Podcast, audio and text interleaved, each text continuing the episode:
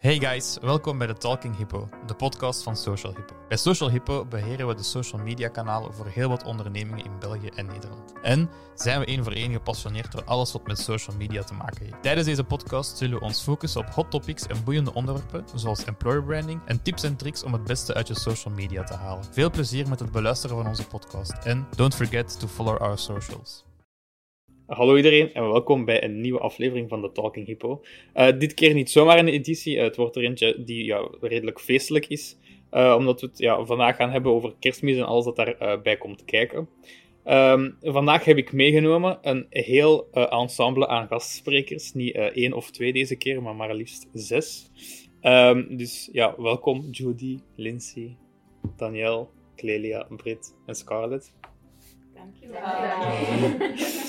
Um, ja, Harvey is er ook altijd bij, de, de, de, de, de vaste side, sidekick, zeg maar. Um, en dit keer gaan we het een beetje anders uh, aanpakken. Harvey gaat de kerstman spelen en gaat een aantal vraagjes en ijsbrekers aan iedereen uitdelen. Aan de hand van ja, het trekken van namen. Dat, kan, dat kunnen luisteraars natuurlijk niet zien. Um, maar hier staat gewoon een bokaal met een aantal namen in. Ik ga die dan uit de bokaal trekken en dan gaan we eigenlijk zo te werk. Dus ik stel voor dat we er gewoon direct in vliegen. Het principe is, ja, denk ik, heel duidelijk. Eerst beginnen we gewoon met een aantal ijsbrekers en daarna gaan we iets dieper in. Uh, ja, echt op ja, vragen rond kerstmis en gewoon ja, redelijk, redelijk persoonlijk. Het is ook een persoonlijke editie, het moet niet altijd uh, puur over social media marketing gaan. Um, dus um, hier ja, gaan we dan. Eerste ijsbreker. Is kerstmis de beste vakantie of de beste feestperiode? Die is voor Daniel. Ja, zeker. In mijn opzicht wel, omdat er daar zoveel bij komt kijken. En dat is gewoon een heel leuke periode waar je samen bent met vrienden en familie. Oké, okay, uh, ja, de volgende. Um, kerstcadeautjes inpakken of uitpakken? En dat is voor Judy. Inpakken. Ik vind cadeautjes inpakken heel leuk. Ik probeer daar ook altijd creatief in te zijn. En ik geef ook liever cadeautjes dan dat ik er krijg. Oké, okay, uh, ja, volgende is voor... Uh, of ja, eerste vraag beter. Um, vind je kerstmis, ja, de feestdag en alles daar rond, uh, op zich belangrijk? Lindsay? Um, ik vind kerstmis zeker een leuke feestdag, um, maar ik hecht er ook niet super veel belang aan. Uh, ik vind het wel natuurlijk leuk om met vrienden en familie uh, samen te zijn, maar dat hoeft niet per se op kerstmis voor mij. Volgende, sneeuwpret of warme winterzon? En die is voor Brit. Ik vind sneeuw wel heel leuk, maar dat is iets te koud. Dus ik ga toch voor de warme winterzon gaan dan. Ja, dat klopt natuurlijk dat sneeuw koud is, dus ik snap het volledig.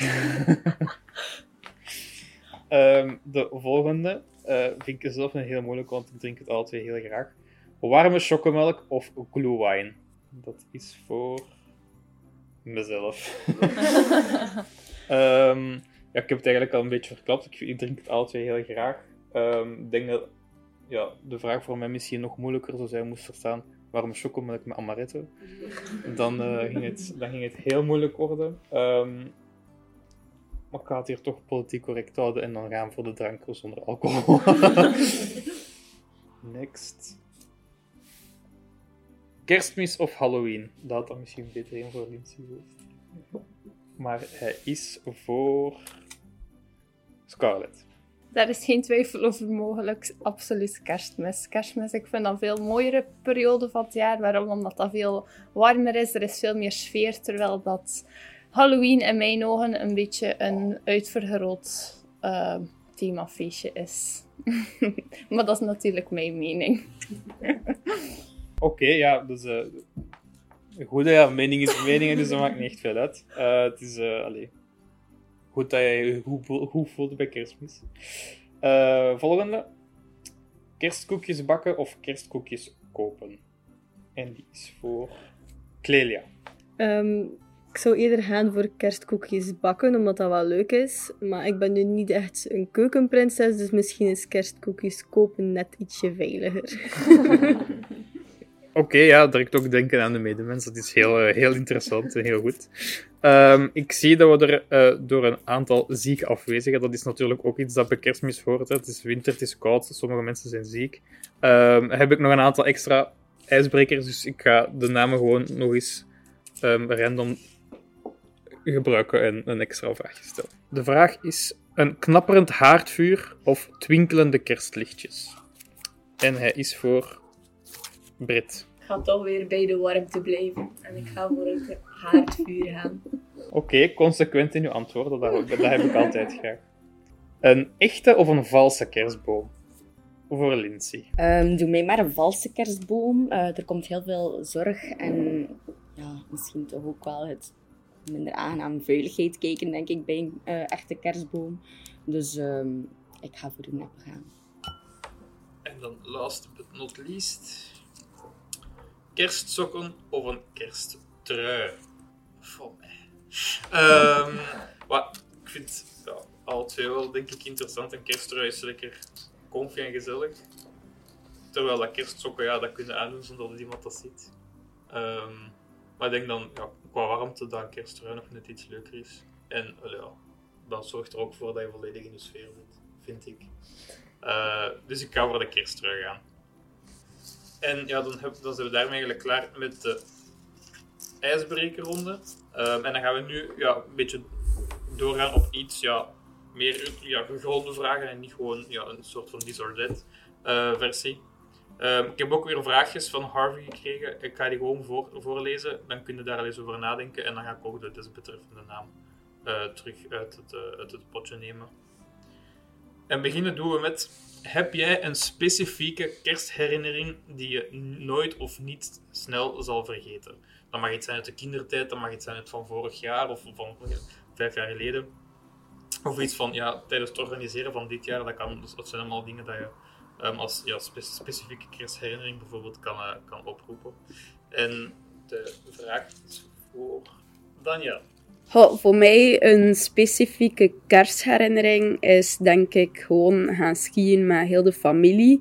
We doen dat al sinds ik klein ben. En dat is eigenlijk een traditie dat is sinds dat mijn papa klein is.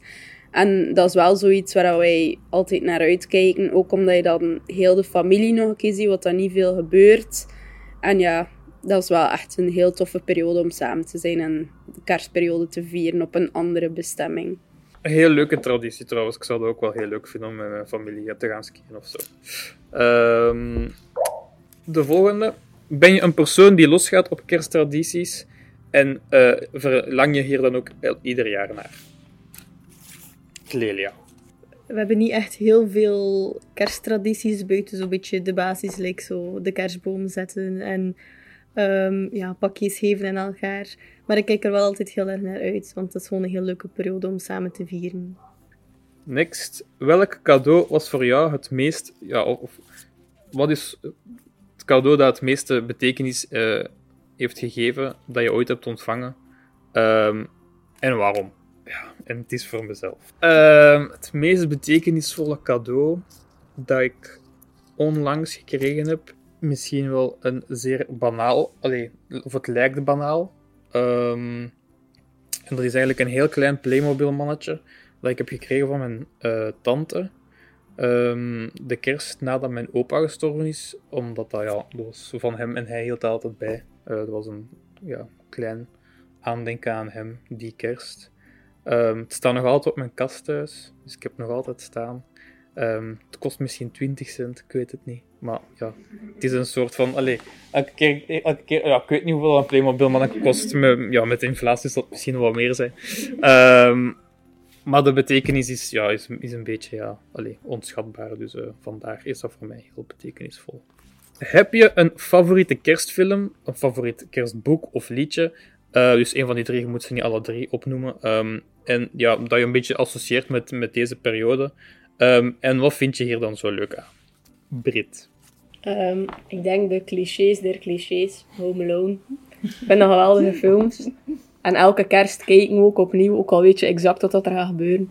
Dat blijft gewoon super leuk, dat zijn leuke films. Dat blijft zo, ja, een soort traditie die je doortrekt. Dus ik vind dat wel, hè. ja, ik vind dat leuk. Leukste films in de kerstperiode. Zijn er misschien nog mensen die dat echt zo clichés hebben? Um, All I Want for Christmas van Mariah Carey is wel echt mijn banger in deze periode van het jaar. Ik luister daar echt heel graag naar nu. Ook al ben ik niet zo'n kerstpersoon. Wij zelf zijn ook uh, ja, heel hard van om in deze periode de Harry Potter films nog eens te bekijken. Dat zijn wel classics. Ehm, wat is jouw go-to kerstmaaltijd waar je al weken voordien naar uitkijkt? Lindsay. Het is natuurlijk moeilijk als je niet zo van kerst houdt om ook ja, echt te verlangen naar een, naar een gerecht. Maar zijn er zo niet ja, gerechten dat je weet van... Dat is eigenlijk iets dat we met kerst zo vaker eten. Wel, als je het wil weten, mijn hoofdgerecht eh, voor deze kerst zal Thais zijn. Ehm, dus helemaal niet kerstig, maar wel zeer lekker. Allee, dat hoop ik toch, als alles goed gaat in de keuken. Ehm, dus nee, zeker niet traditioneel kerst eh, bij mij op de planning. Of waar ik zo naar uitkijken.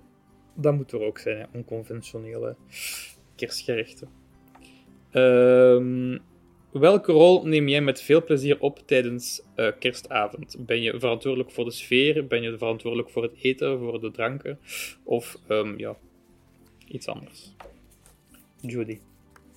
Eh, ik ben eigenlijk meestal de gastvrouw. Dus ik eh, ben verantwoordelijk voor het eten en de drank. Eh, zeer zeker niet de sfeer. Daar heb ik andere mensen in mijn familie voor die de entertainende rol op zich nemen. Maar ik ben meestal degene die alles in goede banen leidt wat betreft de catering.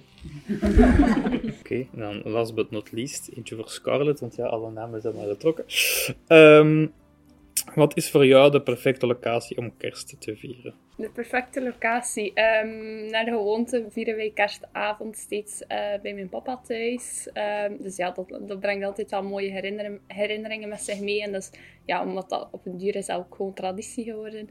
Maar het is toch wel mijn droom om ooit um, kerstdagen te vieren in een warmere oorden